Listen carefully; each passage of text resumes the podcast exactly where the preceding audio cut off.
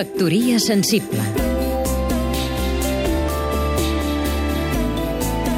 Julià de Joda, escriptor Aquest any se celebra el centenari de la Primera Guerra Mundial i a molts dels estats que hi van participar s'anuncien un seguit d'actes commemoratius.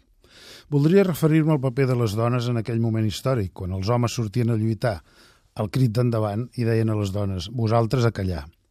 Abans del 1914 havia començat la introducció de la mà d'obra femenina en les activitats industrials, comercials i burocràtiques, no sense resistències, fins i tot entre els sindicats dominats per homes.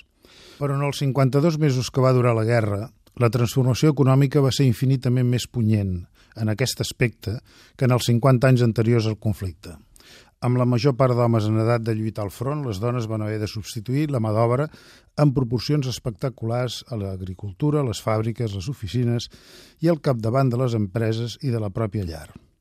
Aquesta posició de la dona va generar un alliberament psicològic, una presa de consciència i un sentit de les noves responsabilitats en el que fins aleshores es consideraven afers dels homes. Al costat d'això, el paper de les dones al front va ser impagable com a infermeres i auxiliars voluntàries als hospitals militars.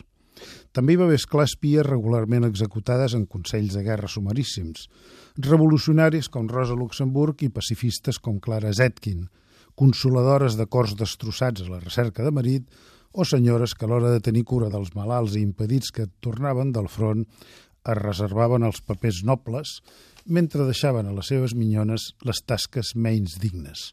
Però, com diria Kipling, aquesta és una altra història. Factoria sensible Seguim-nos també a catradio.cat